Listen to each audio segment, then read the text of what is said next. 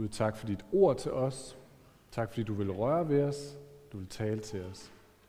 Åbn vores ører, så vi hører det. Amen. For nylig fik mine forældre nye naboer. Og øh, de bor i et område i øh, Aarhus, hvor huspriserne de stiger sådan ret markant, siden de købte huset. Så lad os bare sige, at det var ikke specielt billigt, det hus, der var til salg derovre. Men det blev solgt, og der kom nye naboer, og ganske få dage senere, så fik alle omkring mine forældre inklusiv en besked om, at det her hus, det vil altså blive revet ned, fordi at øh, dem, der er flyttet ind, de vil gerne bygge deres drømmehus der. Og så var vi nogen, der tænkte, hold da alligevel op. Det var da, hvad var der galt med det hus, der var der i forvejen? Og, og hvem har så mange penge? Men, øh, men det var ikke, altså de gad ikke ind i det der gamle hus, de ville bare have noget nyt. Og øh, så kan man godt have det en gang imellem. Måske kan nogle af jer genkende den følelse, når man øh, tænder for nyhederne, eller hører politikere udtale sig, eller nogle andre, man tænker, åh, oh, kan vi ikke rykke det gamle lort ned og få noget nyt? Vi trænger til noget nyt, noget andet. Måske kan I, som jeg, have fornemmelsen at komme tilbage til som, fra sommerferie, og så tænkt, åh, oh, nu er det heldigvis tilbage til det gamle, og det er det ikke. Der er stadigvæk corona og coronarestriktioner over det hele, og man tænker, ah, kan vi ikke komme af med det og få noget nyt? Men sådan er det desværre ikke altid. I dag skal vi snakke om Jesu kommentar på den oplevelse af, kan vi ikke få noget nyt? Fordi noget af det, han siger helt i begyndelsen, det er, Guds rige er kommet nær. Og det er helt nyt. Det er en helt ny dagsorden for verden. Og det her efterår skal vi forsøge her i kirken at dykke ind i det. Hvad er det for noget? Så er der nogle af jer, der er kommet her i kirken et stykke tid, som siger, at det er da ikke nyt. Det har vi da snakket om før. Og øh, det er fuldstændig rigtigt. Det har vi.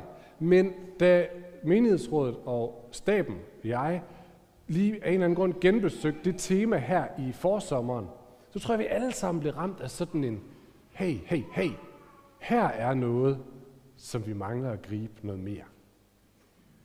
For mig selv kan jeg sige, at ja, jeg har kigget på det før, men det er som om livet kører, og jo flere børn man får, eller jo mere man kommer ind i sit studie eller sit arbejde, så kører virkelig, når man siger, det er meget godt, men jeg har altså lige et liv, der skal køre herover. Jeg har lige lidt travlt, jeg har lige lidt meget i mit hoved, ikke? Og så var det som om at komme tilbage til den her snak om Guds rige. Det var sådan en fornemmelse af, men det skal ikke parkeres herover, det med Guds rige. Det hører til her midt i mit liv, fordi det vil noget med alle aspekter af mit liv. Det kommer med noget nyt, noget bedre, noget anderledes, som forvandler alt det her år. Så derfor skal vi tilbage i det, og vi skal bruge det meste af efteråret på det. Nogle af jer, der er til dåb, vi kan jo tænke, det er godt, jeg skal hjem bagefter. Og I andre, I er så bare indlagt til det. Fordi vi har brug for at opdage Guds rige. Vi har brug for at opdage den Gud, som kommer med det rige. Kongen, som kommer med det. Vi har brug for det for vores liv, for vores hverdag, for vores familie. Vi har brug for det for Odense, vi har brug for det for Fyn. Fordi her er der håb. Og det er Jesus, der kommer med det. Så det er ham, vi skal undersøge. Lidt poppet er der en, der har sagt, vi skal undersøge Jesu tale, tegn og tjenester. Fungerer måske bedst på engelsk engelsk. Words, works and wonders. Det vil sige, det han siger, hans undervisning. Det han gør, hans mirakler. Og det han ellers gør med sit liv, hans måde at være på. Fordi det er der, alt det her med Guds rige ligger gemt. Det er i de her ting, vi ser, hvad er det? Hvad betyder det? Og hvordan kunne det se ud i vores liv? Og vi skal læse Markus evangeliet sammen. Og jeg håber egentlig, der er noget, der hedder, hvad hedder det? Co-creation. Det er sådan et godt ord. Det betyder, at man får ikke det hele leveret op fra, man skal selv skabe det. Og jeg leverer nu op fra, vi skal læse Markus evangeliet. Og så håber jeg, I griber den og siger, ja, skal vi ikke finde nogle nye måder at gøre det på? Eller nogle kreative måder at gøre det på?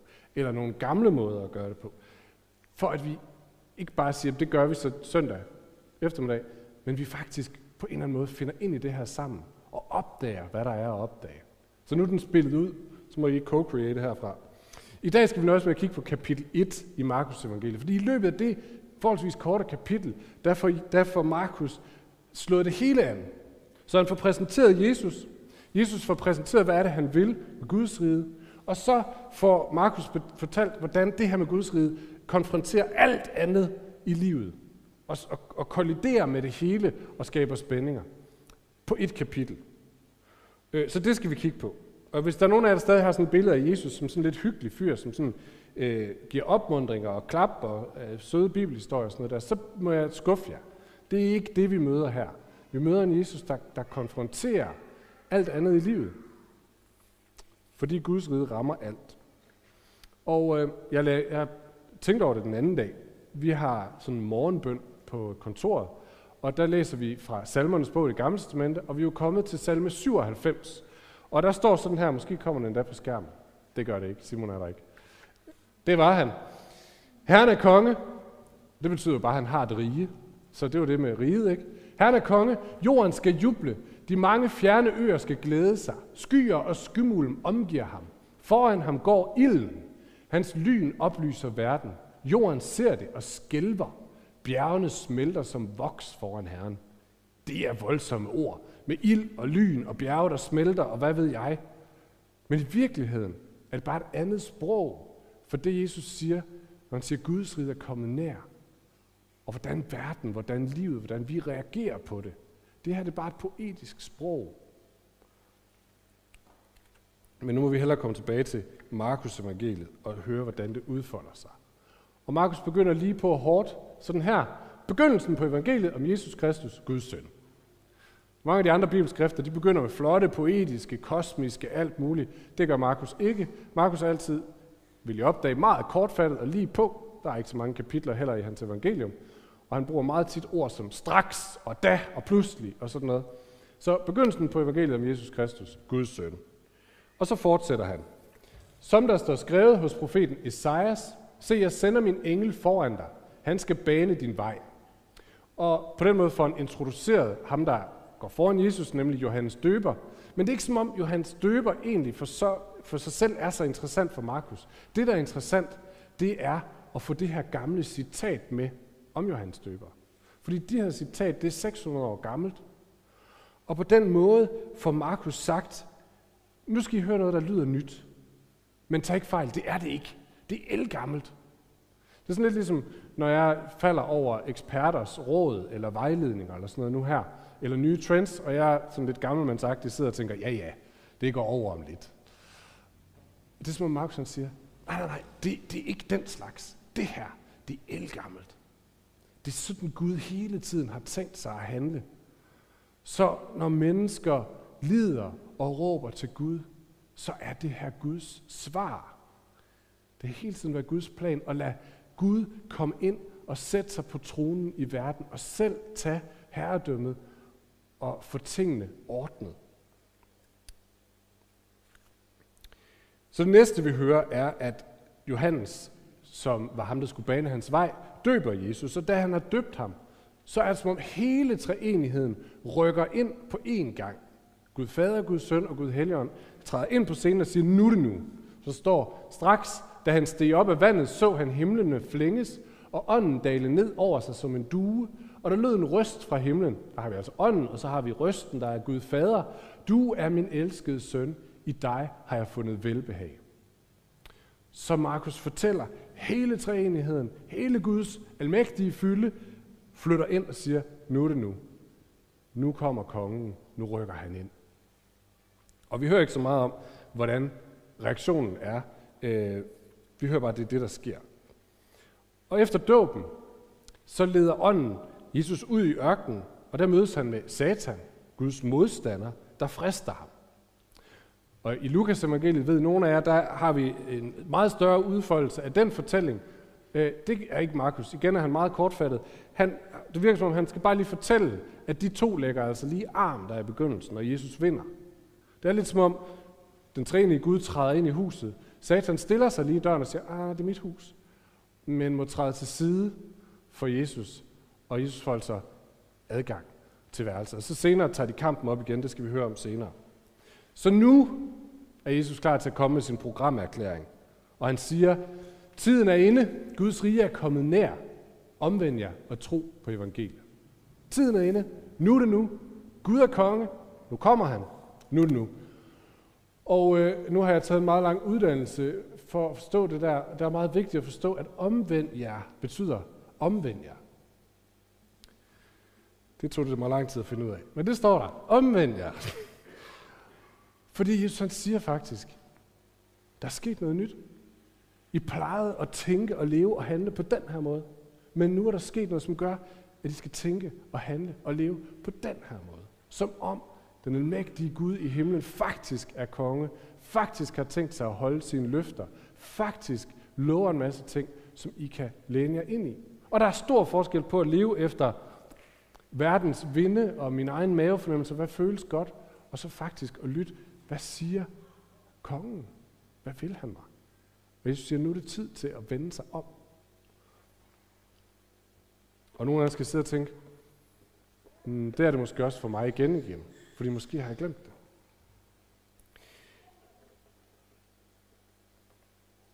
Vi hører ikke rigtigt, hvordan folk reagerer på det endnu.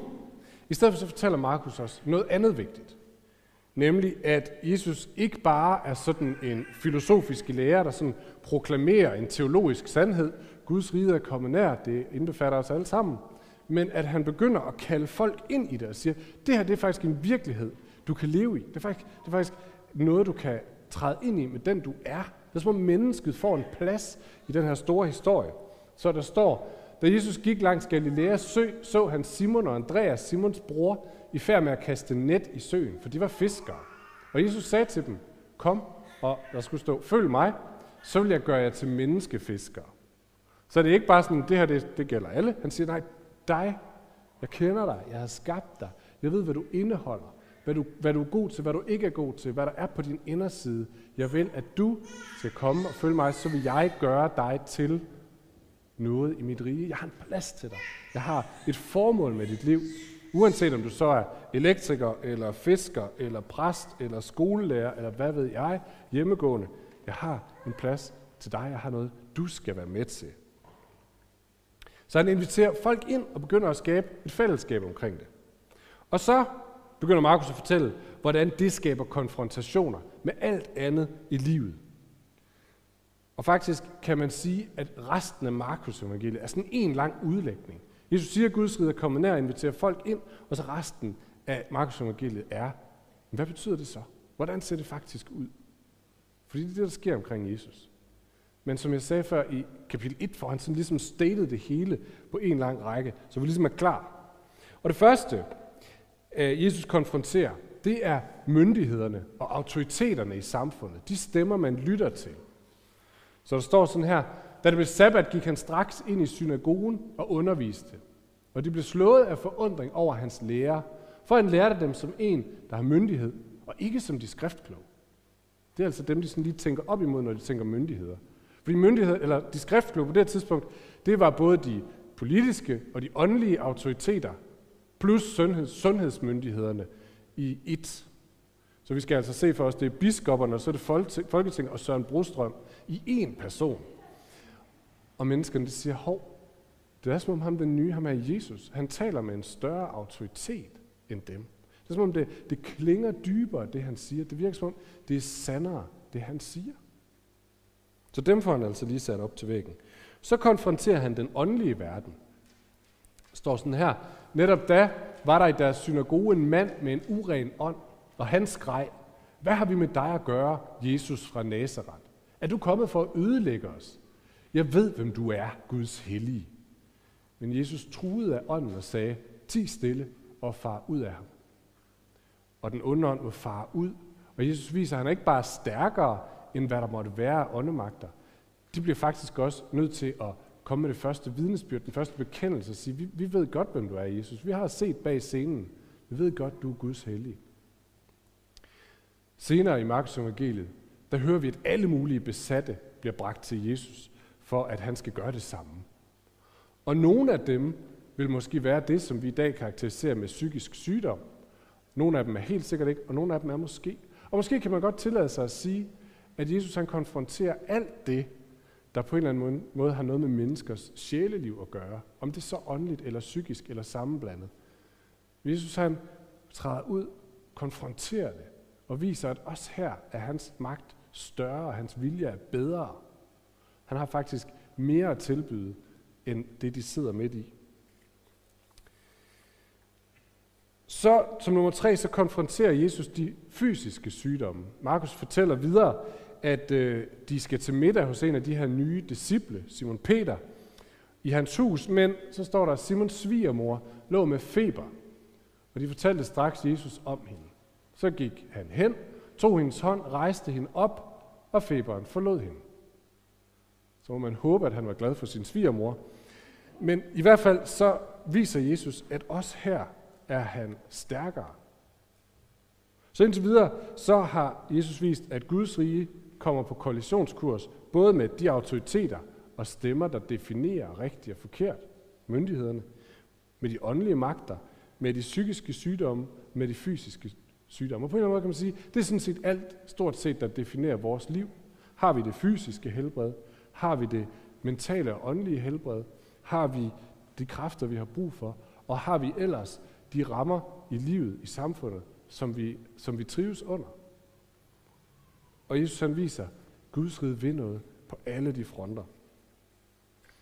Få vers senere, så bliver det opsummeret med den mest fantastiske fortælling, som på en eller anden måde fortæller, hvordan Guds rige rykker ind alle steder.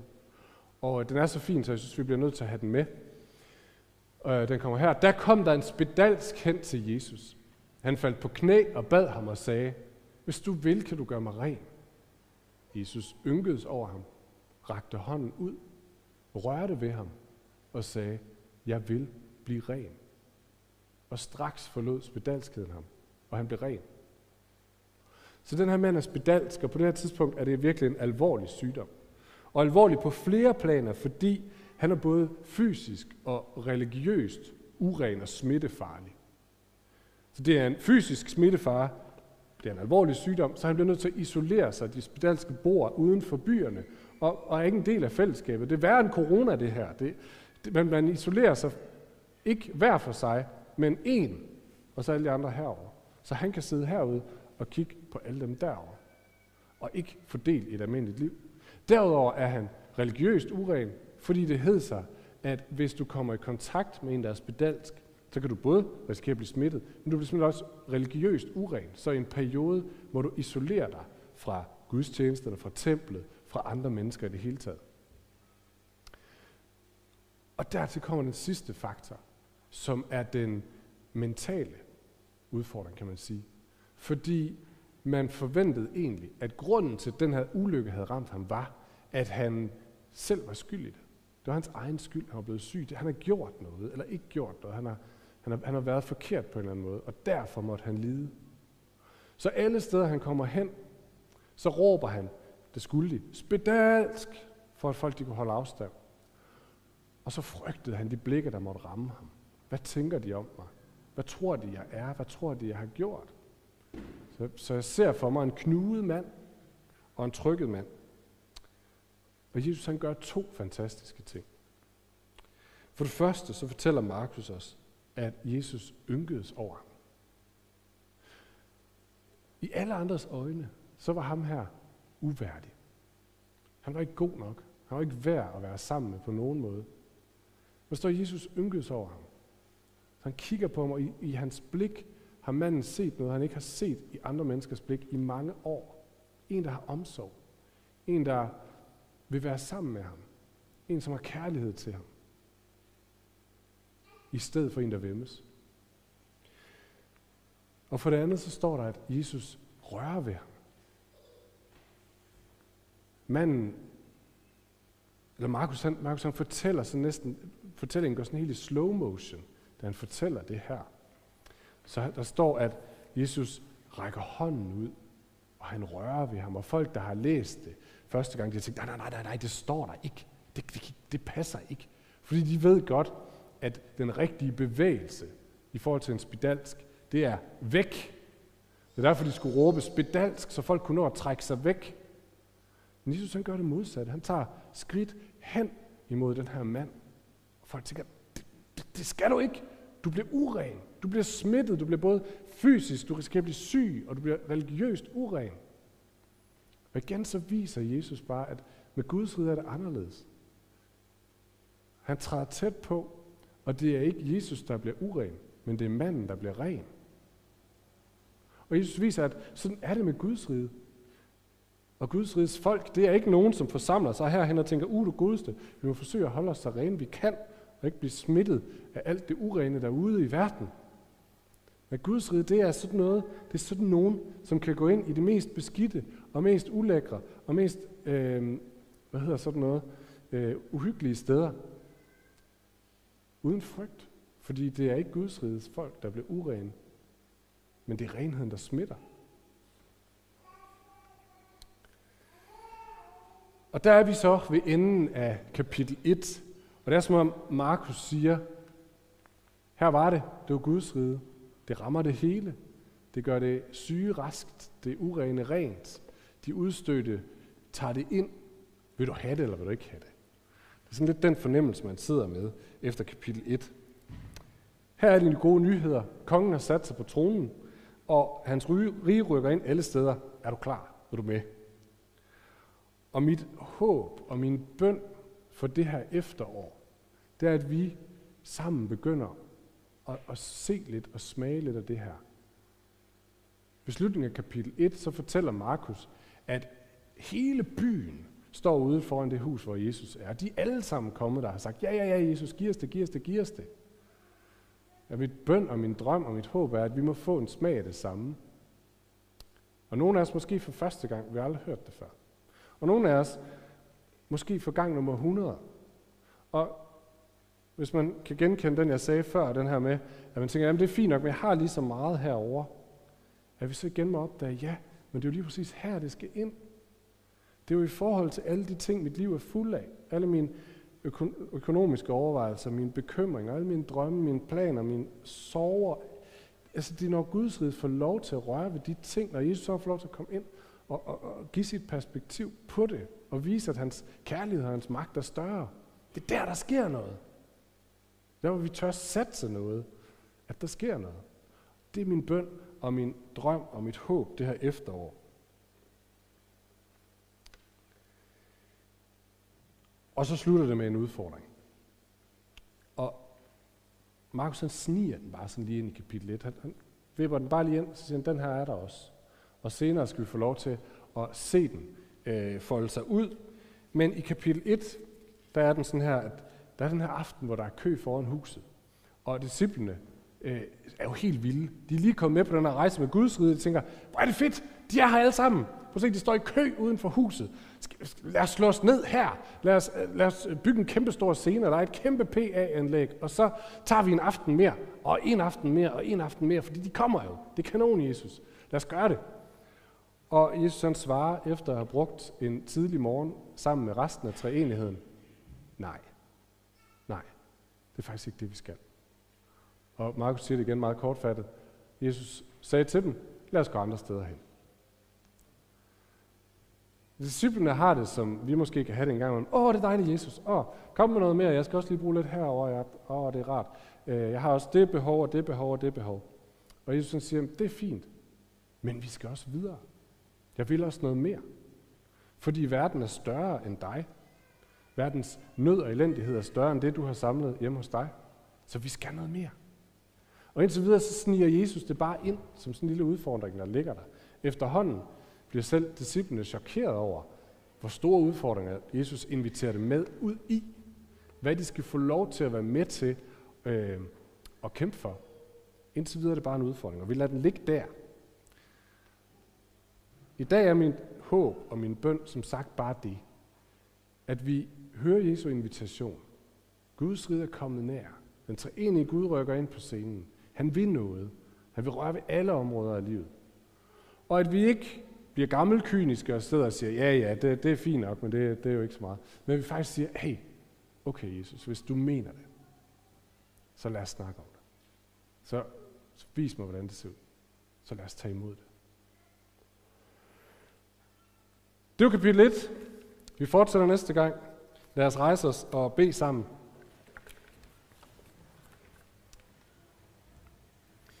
Almægtige Gud, tak fordi du er helt for gammel tid ikke bare har ville sidde verdens nød og elendighed over og tænke, de må klare deres, men at du helt fra begyndelsen sagde, jeg vil selv rykke ind på scenen. Jeg vil selv komme mennesker i møde, og jeg vil selv være med til at forvandle. Og Gud, tak fordi, at der er ikke det område i vores liv, hvor du ikke vil ind og vise os, hvad du kan gøre. Der er ikke noget, der er for mørkt. Der er ikke noget, der er for pinligt, for skamfuldt, for smudsigt. Du vil flytte ind i det hele, og du vil forvandle. Og tak fordi dit håb også er større end det. Så når vi kigger på verdens nød og elendighed, så siger du, at det vil du gøre noget ved, og det kan du gøre noget ved. Jesus, løft vores tro, løft vores blik, så vi arbejder med og kæmper med på det håb. Herre, vis os dit rige. Amen.